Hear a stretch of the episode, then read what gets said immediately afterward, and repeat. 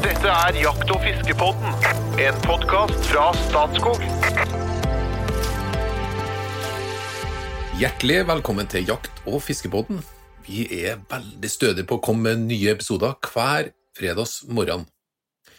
For deg som er opp styggtidlig, så er du blant dem som får det med deg aller først. Eh, Kanskje er det noen som er faktisk så tidlig ute at de eh, går av nattevakt, og hører på den før de går av nattevakt.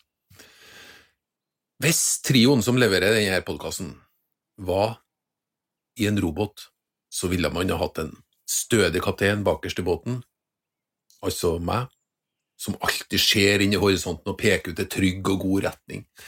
Den som ror, ville selvfølgelig være vår egen sliter fra Innlandet, rypedoktor og fagsjef i Statskog, og eier av minst fem frysere. Hjertelig velkommen, Jo Inge Breisjøberget. Hallo, hallo. Takk, takk. Og den siste i robåten er faktisk ikke i robåten engang. Han ble nemlig så engasjert med fluefiskestanga si da vi skulle ferde, at han glemte både tid, sted og robåt. Og vi snakker selvfølgelig om kunstnersjelen fra Asker, mister infosjef i Norges Jeger og Fisk, Espen Farstad. Tusen takk. Jeg var redd jeg skulle bli karakterisert som propellen bak, men, eh, men jeg sto igjen på land, altså. Ok. Det, ja, faktisk, det, var, det var et godt innspill. Propell, det var det egentlig. Ja. Men ok, Du har ikke, vi, vi har ikke sett deg opp på et skjær heller, Espen. Du sto igjen frivillig. ja, det kan skje underveis her nå. At, eh, ja, litt av hvert kan skje. Men vi har veldig marin innledning til et ikke-marint tema. Mm. Vi skal nemlig bevege oss eh, innover fjellet og snakke om vinterjakt på rype. Da snakker vi om en jaktform der det er sprettkaldt, det er korte, halvmørke dager, og det er snø. Så utgangspunktet her er jo ikke bra. Jo Inge, Mm. hvorfor syns du at det er fantastisk med vinterjakt på rype? Nei, det er nærmer seg vel meninga med livet, da. En uke en gang. Nei, altså, jeg forbinder eh, rypejakt, eh, vinterjakt da, på rype med s- litt seint utpå vinteren. Når våren begynner så vidt å få taket, altså seint i, i eh, februar. Og sola begynner å ta litt, og godværsdager. Så jeg har bare, egentlig bare gode, gode minner ja, fra vinterjakt da, på rype. Der eh, sola tar litt, litt slik påskestemning, og så har det kanskje vært dritvær, og så er jeg ute da akkurat når det klarner opp og blir, blir fint vær igjen. Det, det er vinterjakt på rype for meg, i hvert fall. Mm. Hva er vinterjakt for rype for deg og Espen? Nei, eh, jeg må innrømme at jeg er ikke så veldig ivrig på det, men jeg, men jeg skjønner Altså, dette er dette er entusiastenes jakt, dette her.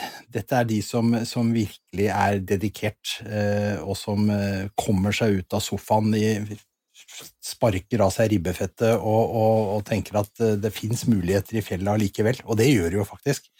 Eh, og jeg har veldig sans for veldig sans for den som, eh, som gjør det, og som eh, høster noen få, men veldig verdifulle ryper på den tida av året. Fordi at eh, Ja, jeg, jeg tror vi kan si, Jo Inge, at en rype skutt i februar er fem til ti-gangeren en rype skutt i september. Er det ikke det? I verdi? Det, Ja, opplevelse Ja, og, og, sånn. Ja. og, du, og du sier få, for det, det er jo få ryper. Vi skuter jo ikke mye ryper. Det kan være dager der du kan komme komme innpå, men i dag så er dette er jo ikke matøk lenger, det er opplevelsen. Og vi skuter noen få. Det, det er helt riktig. Vi skuter veldig få ryper på vinterjakt. Ja, Det justeres jo uansett. Om du skulle dumpe opp i fantastiske forhold, så har du jo fremdeles kvotene dine å forholde deg til de fleste steder, så, så det, Ja, ja. det er vel ikke noe bekymring i dag. Ikke i det hele tatt. Nei. Nei, men det er slik at du kan treffe på faktisk dager der det rypen er eh, nærmest tamme. Altså, jeg er med på det at du kunne gått innpå dem med hagle, eksempel, eller at de sitter en hel flokk og, og, og nærmest eh, må sperke dem opp, altså. Så det har skjedd, det òg. Hva slags forhold er det? Nei, det, jeg har ikke egentlig noe fellesnevne på det, men, eh, men det skjer.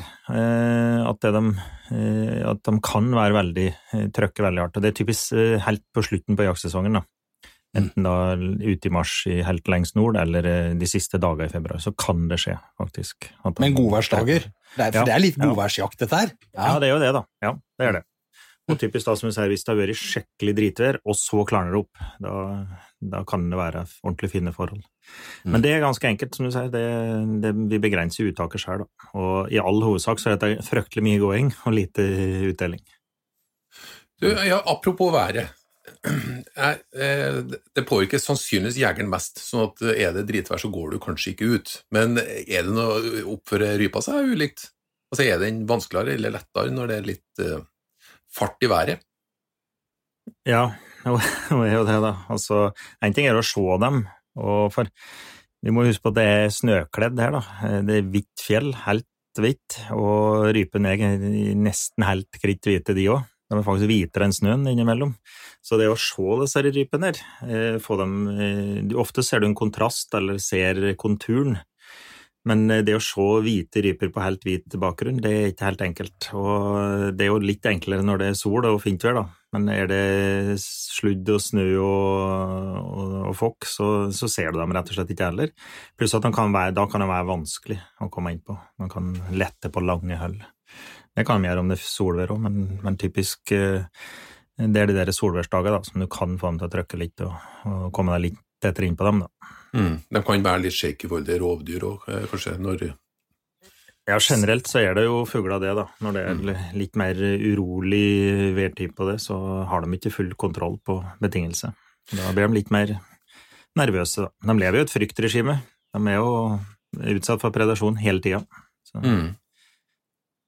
Du snakka om at det er veldig få ryper som blir tatt, men kan ikke vi prøve å definere det først? For hva er egentlig vinterjakt?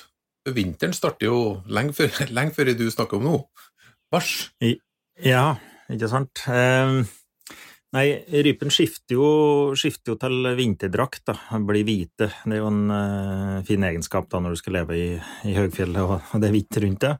Og det gjør de jo ganske tidlig. Det er styrt av daglengde, først og fremst, og hormoner som, som regulerer den, eh, den fjørdraktskiftet. Så at eh, hvis snøen kommer tidlig, så framskyndes prosessen, selv om det er eh, på lik tid året før eller etterpå. Og hvis snøen kommer seint, så er de typisk da hvite allerede, også på bærebakka i stand. da. Men eh, det skjer jo allerede da, kan jo være i oktober i, i Nord-Norge.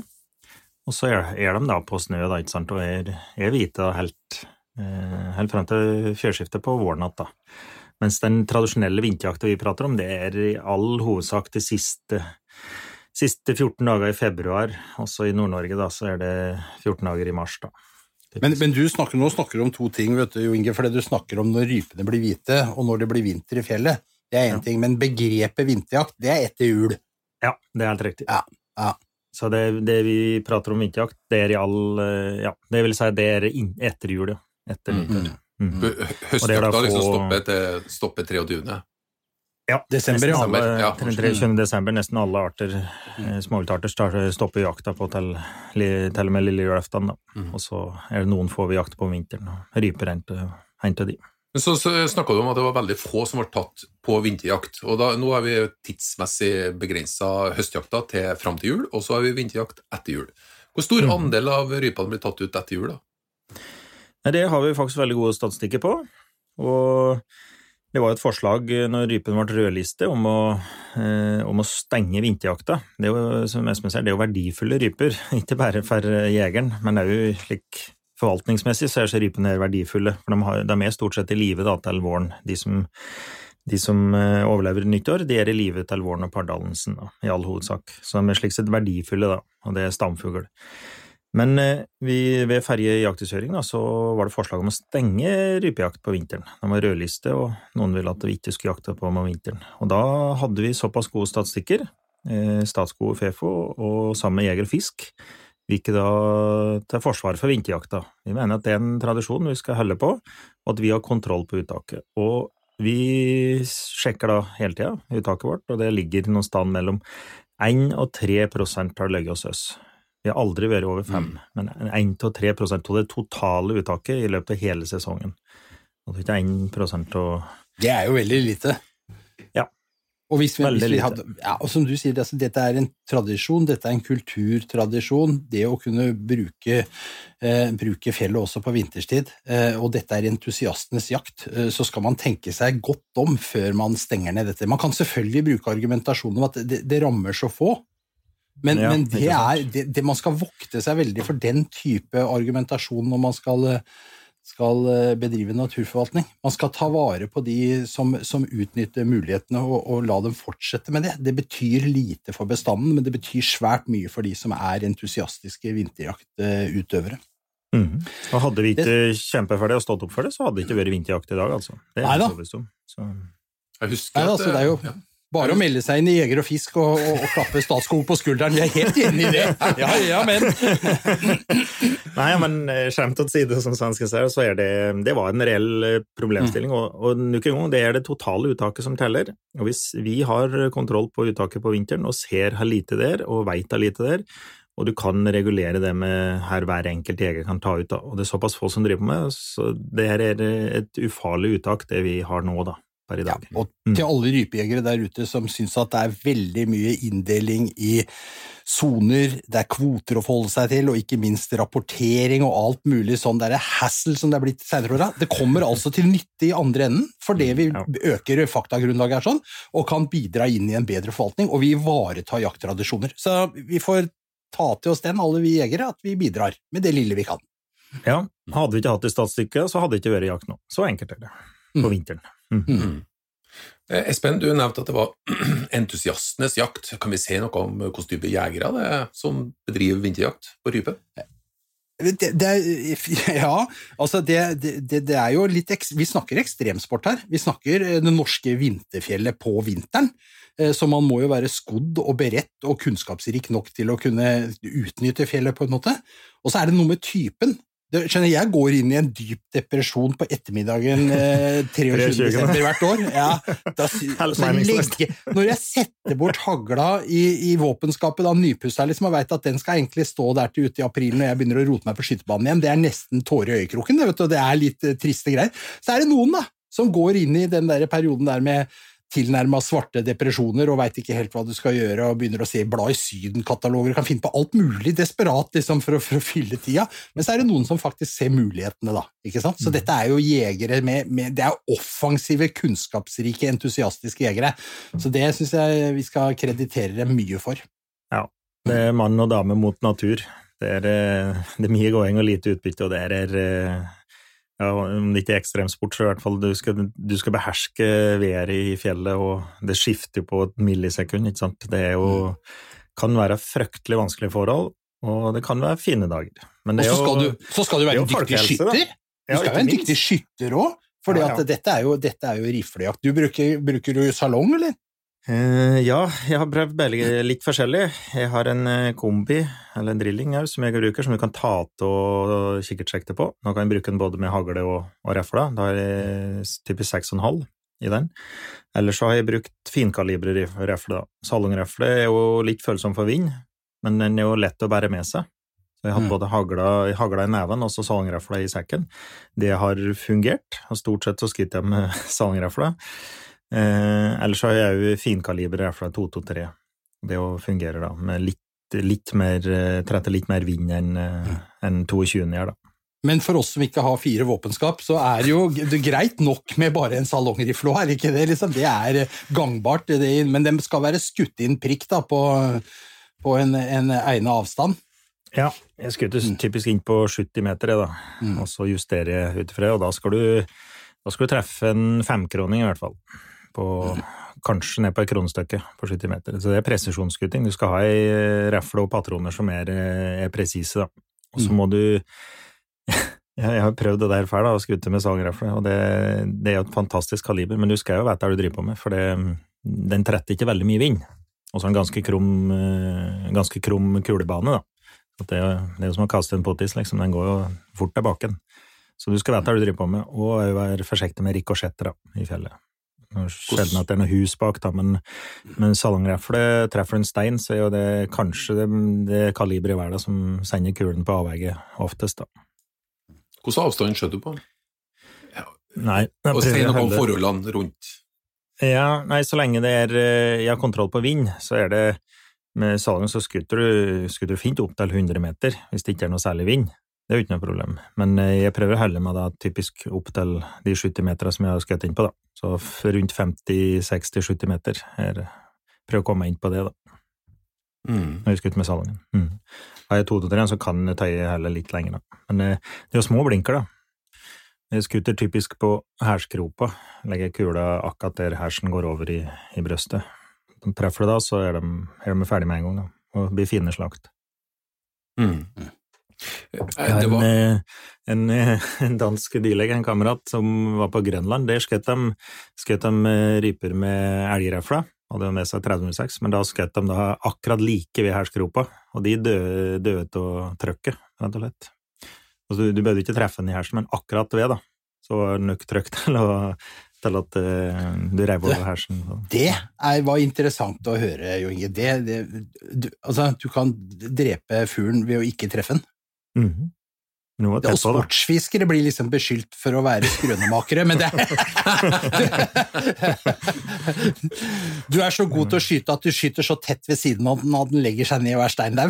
Ja, du skuter jo på hersen, da, men eh, hvis, du, hvis du ikke treffer den og treffer like ved sida av, så dør den faktisk. Ja. så Jeg har faktisk, jeg har faktisk opplevd det sjøl òg, det var det jeg skulle fram til. Da, på, en, på en orrane i, Ja. i topp, i topp Mm. den, den tumla rett ned, og, og jeg fant den, og jeg fant aldri noe sted at jeg hadde truffet den fuglen. Men den gikk rett i bakken, så den må ha vært eh, helt rett innpå. Mm. Men eh, ja, så det går an, ja. men sa du at eh, man også kan bruke hagle? Ja, ehm, jeg har, ehm, jeg har en kombi, da, eller en drilling, og da, da, kan, da er det en fordel, faktisk, for det er noen, noen dager som de trykker, og du kommer inn på, på greie høll, på haglehull. Og det er jo eh, kanskje det mest ideelle våpenet i utgangspunktet. Så, og jeg bruk, har også brukt hund, jakte på vinteren med hund, og det er noen dager som da rypen trøkker. Og du kan få, få en grei sjanse med hund. Og så rypen går òg i dokk, altså den graver seg ned i snøen. Og det har jo skjedd at jeg kommer innpå dem, da. Um, Da har de avsatt litt luft, og så hundene eh, eh, peker da mot der de står, og så flyr de opp til dere. da. Da går jeg da med hagla og legger fra meg stava, eller har stava i enden som jeg kan kaste de, og så har jeg hagla da klar til, klar til skudd, da. Mm. Kan du si noe om fordelinga? Eh, hvor, hvor stor andel du skjøt på det ene og det andre? Nei, det er um, Du har jo Ja. sannsynligvis ført statistikk, da, så- men la oss ja, ta et jeg har det, da, men Nei, så er det tre fjerdedeler i hvert fall med refle, da. Og så Ja. en fjerdedel kanskje med hagla. Mm. Så det er stort sett refle, da. Det er jo veldig sånn, det er jo litt visuell jakt, dette her. Altså, du skal jo se rypene, selvfølgelig, men, men i tillegg så er det jo mye spor. Det er alltid mye spor i fjellet, ikke sant? Du ser jo spennende, eh, beit, ja, beitespor. Du kommer opp til et, et, et lite bjørkekratt, viekratt oppe, så ser du at det er nesten hardpakka på snøen, ikke sant? for her har det gått ryper rundt i flokk og hopp på. Da kjenner du at pulsen stiger, selvfølgelig.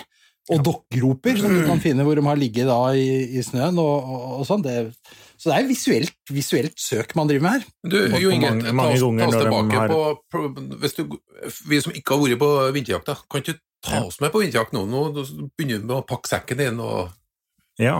og planlegge. Ja, eh, jeg har gått over til å ha med reflesekk, som jeg kan ha refla i, typisk, og så har jeg hagla i neven.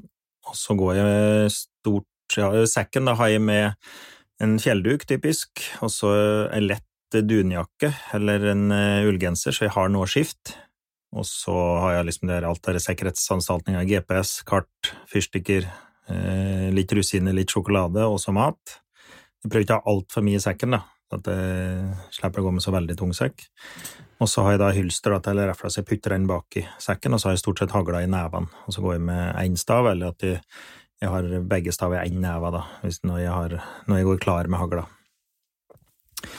Eh, Så har jeg feller som jeg kan ta på tå, skien, hvis det er litt eh, oppoverbakke. Det har jo lett for å være det i fjellet, og det er litt løs snø det, så er det en kjempefordel å ha feller. Eh, jeg jakter med hund, så jeg har da ikke stålkanter på skiene mine. Jeg har breie ski, men ikke stålkant. Det er veldig fort å kjøre på, på hund, og så skader du hunden stygt. da. Du, det er som å skjære med en kniv.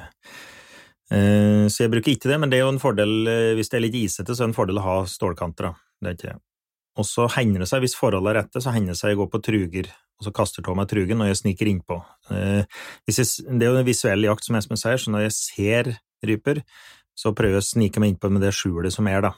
Prøver å gjemme meg bak en stein eller, eller et kjerr eller et eller annet, så du har noe skjul, og så sniker jeg meg innpå der. Og da tar jeg tå meg trugen eller skien, og så går jeg da på, til, fots, da, innpå. eller åler meg innpå.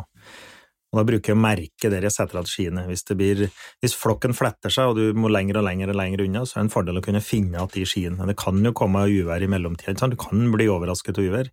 Da merker jeg med et punkt på GPS-en der jeg setter av skiene mine, eller hvis jeg legger igjen sekken, så er jeg det. For det kan bli fryktelig langt å gå ned igjen i løsene hvis du ikke finner igjen skiene dine.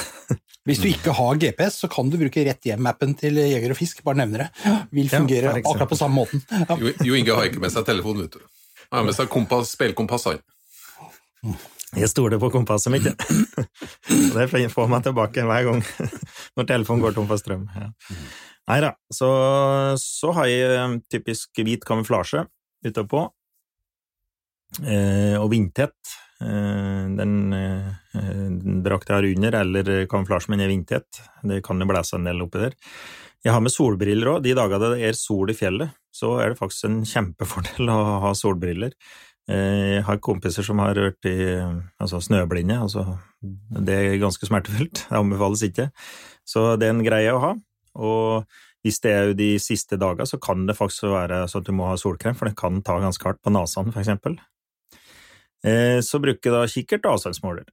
Så det er, eh, det er forholdsvis lite utstyr du trenger. Det er liksom det er deg sjæl mot naturen, men, eh, men å ha det der sikkerhetsanstaltninga i sekken, det er en kjempefordel, altså. Så. Hvordan har du valgt området du har kommet til nå?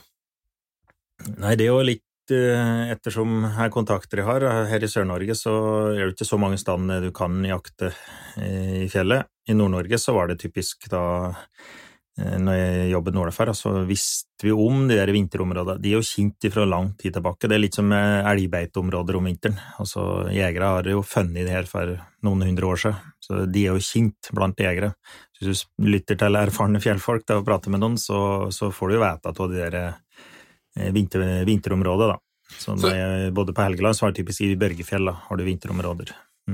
Men med, hva mener du med det? Er det lett tilgjengelige områder, eller er det områder som rypene holder til om vinteren? Altså, Det siste. ja, De ok. ikke- er ikke nødvendigvis lett tilgjengelig. Vi har noen i Nord-Norge som er lett tilgjengelige òg, og de er det jo for så vidt et høyt press på, da. Men, eh, men som regel så er de ikke lett tilgjengelige, nei. Så det går Det var- det var- Om jeg skal inn fra siden her si at det var et usedvanlig dårlig spørsmål, eh, sjef. Takk, fordi takk at eh, det er, det er jo ikke så interessant å gå i et lett tilgjengelig område hvis det ikke er rype der. Sånn at du må på en måte lete opp rypene. Det er jo hele poenget her. Så du må jo vite hvor rypene er. Det er jo viktig. Men det, det jeg lurer på da, er endrer det seg over tid? For det vi ser jo store endringer i fjellet. Mhm. Altså klima, klimaendringer i fjellet. Jeg, jeg hørte et eh, intervju med en kar som fortalte om eh, forholdene på Hardangervidda for villreinen. Hvordan eh, man nå fikk et vippepunkt fordi man fikk så mange varme dager i løpet av vinteren at du fikk voldsom islegging av store områder som tidligere var beiteområder, så det påvirket liksom, hvor reinen trakk. Får vi sånne effekter på rypa? Ja, Det kan vi få, dessverre. Og rypene er jo da, og kanskje først fjellrypene, er jo De lever jo på den høgste nut, ikke sant, og i det, ek, det ekstrem eh, vær- og føreforhold, og de er tilpasset det. Ikke sant? Og med de raske klimaskiftene vi har nå, og spesielt av det du sier der, med at du får varmeperioder, snøen smelter, og så blir det kaldt igjen, så iser det. Det Mm. iser ned beiter og iser ned bærabber og det. Det er eh, ikke gunstig for rypa heller. Eller at det du får mm, barmark, da, selvfølgelig, når de er hvite. Så, Ja, så, så Det de er bringer jo- oss, eh, det er bringer jo oss over til dagens, til dagens limerick, eh, Jo Inge, For den handler nemlig om klimaendringer i fjellet. Ja, få høre. Ja, nå skal jeg få høre. Og, og det er jo ikke tilfeldig hvor hjemmeadressen til denne jegeren er heller. En ivrig jeger fra Hedmarken dro på vinterjakt i nasjonalparken. Men han fikk seg en klimasmekk. I vinterfjellet var snøen vekk. Så det var den vinterjakta for Farken. Ja, meget bra. Kjempebra. Ja, det er helt riktig. Ja, ja. Nei, vi må jo håpe Veldig bra. Vi må jo har- håpe at de klarer å, eh, klarer å tilpasse seg. Det, det spørsmålet er jo hvor fort disse klimaendringene går. Mm, akkurat nå går det veldig kjapt, så det, det er jo litt spørsmål om tid, da. Mm. og kanskje går det litt for fort, så at de henger med. Jeg har et bilde. eh, Det skal jeg dele med Jakt- og fiskepoddens eh, lyttere på, på Facebook-siden eh, våre. eh, Trond Gunnar, du må hjelpe meg med det. Et bilde fra Troms eh, med en jeger som eh, du ser går i silhuett over fjellet. Og når du zoomer inn på det bildet, så tror jeg det er eh, Jeg har aldri telt, men at det er noen tusen ryper som har flokka seg og satt seg utover fjellet der, og alle er hvite på bar mark. Nei, det er et fantastisk bilde. Eh, Men den derre flokkinga, hva, hva, hva er dette for noe, Jo Inge?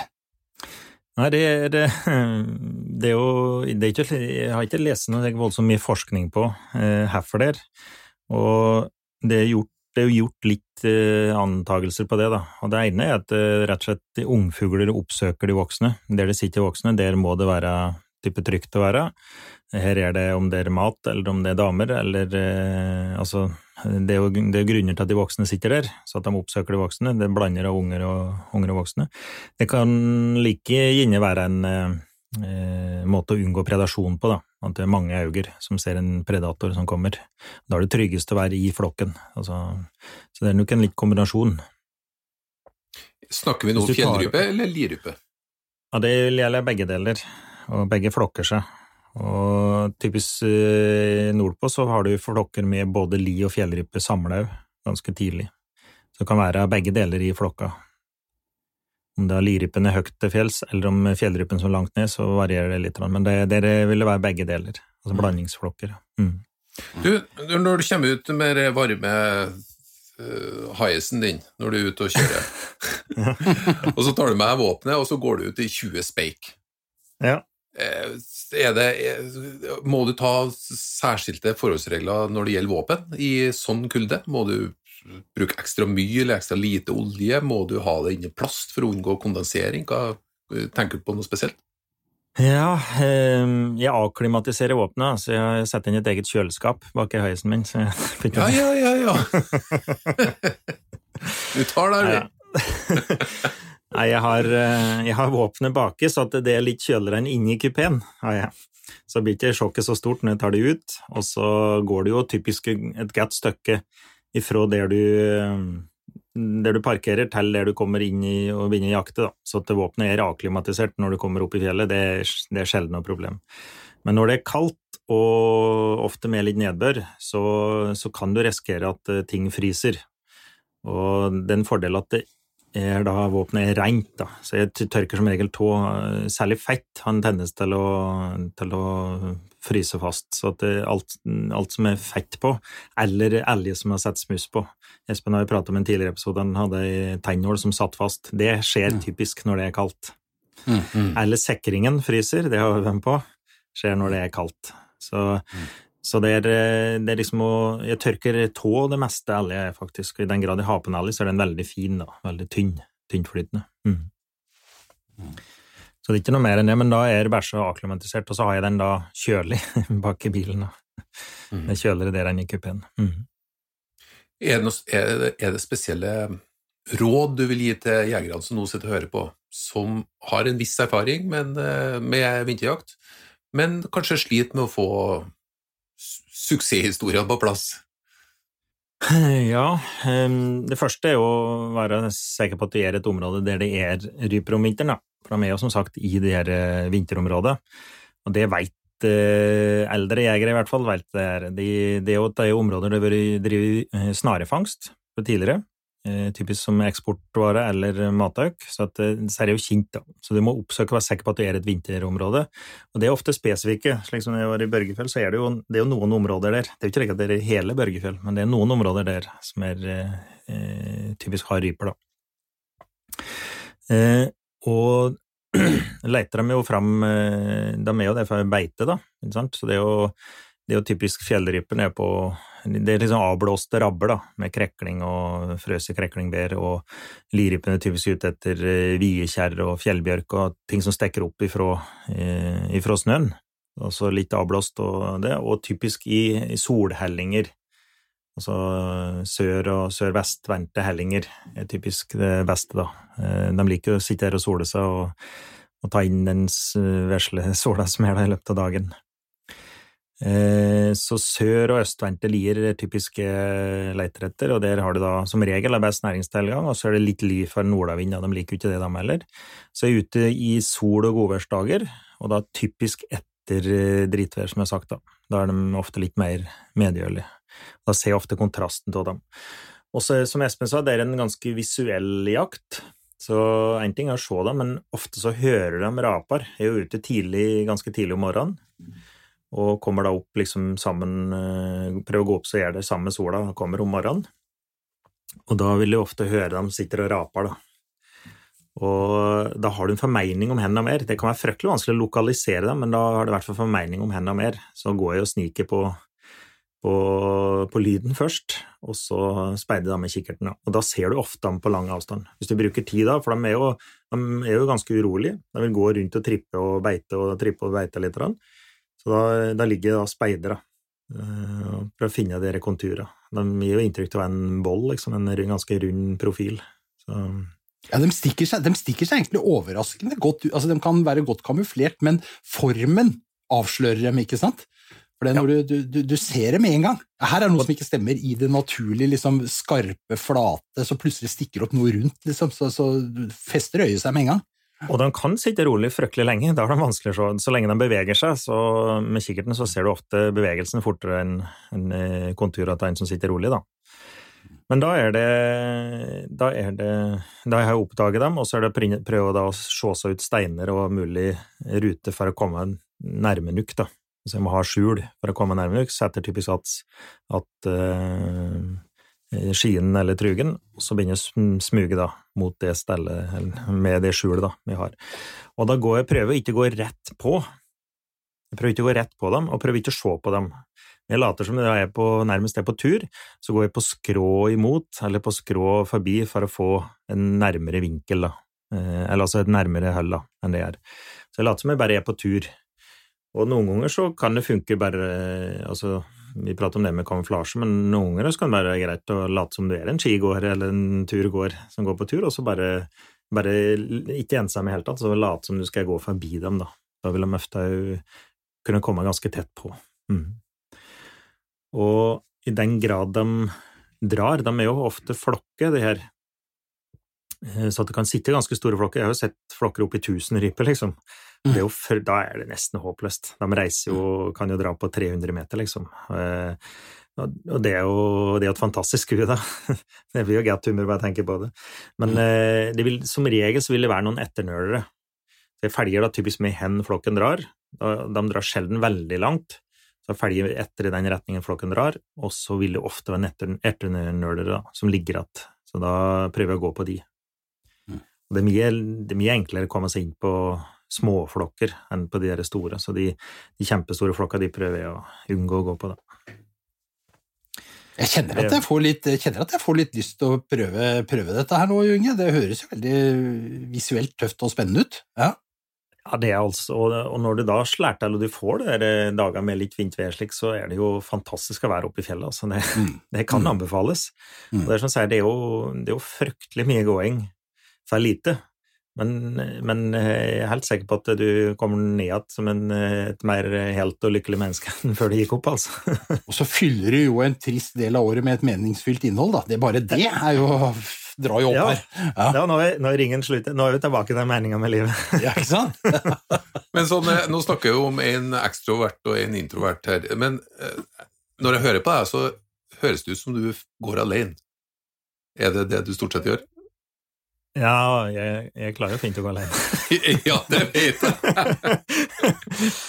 Nei, men dette her eh, Ja, det er jo Jeg går stort sett alene. Ellers så går jeg med en kompis.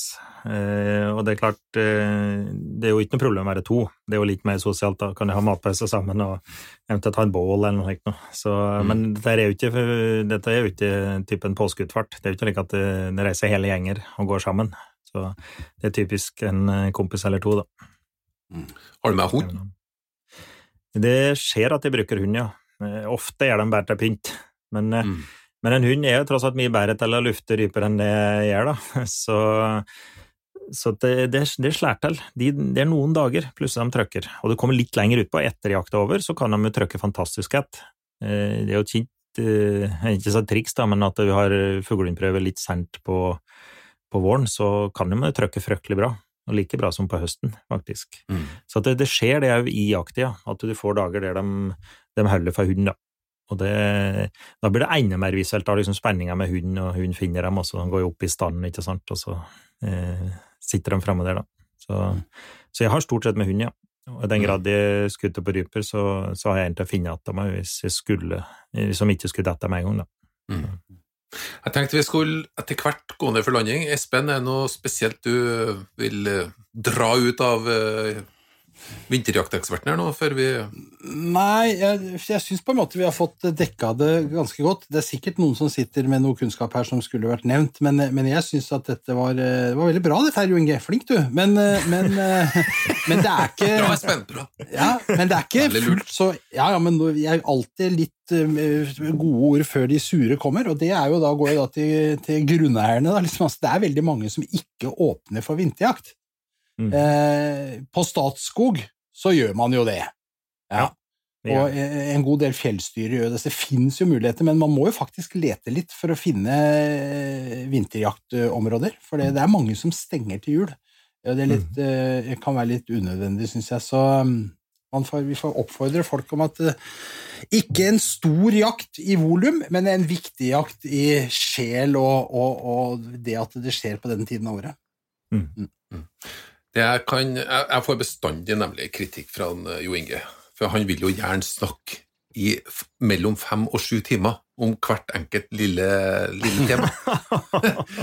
Men nå, det, det, som har skjedd nå, Jo Inge, det er at vi har lagt et veldig, veldig fint grunnlag, og så sitter lyttere der ute, og så lurer jeg på har du noe råd for akkurat denne situasjonen?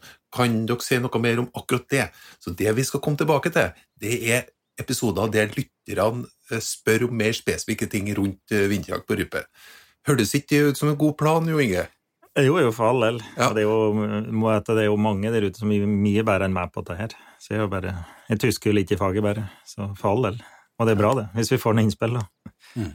Ja. Men uh, det betyr at vi for denne gang, når det gjelder vinterjakt på rype, så går vi ned for landing. Eh, verv gjerne en venn inn på Spotify eller Apple Podkast, eller hvor du nå enn skal finne podkasten. Den ligger på alle plattformer, og du finner den også via nettsidene til Norges Jegerfisk og Statskog. Eh, følg oss gjerne på Facebook og Instagram òg. Vi legger ut litt forskjellig. Både bilder og T-skjortekonkurranser og det meste. Men før vi slutter helt, så skal vi selvfølgelig ha den sagnomsuste Hot or not.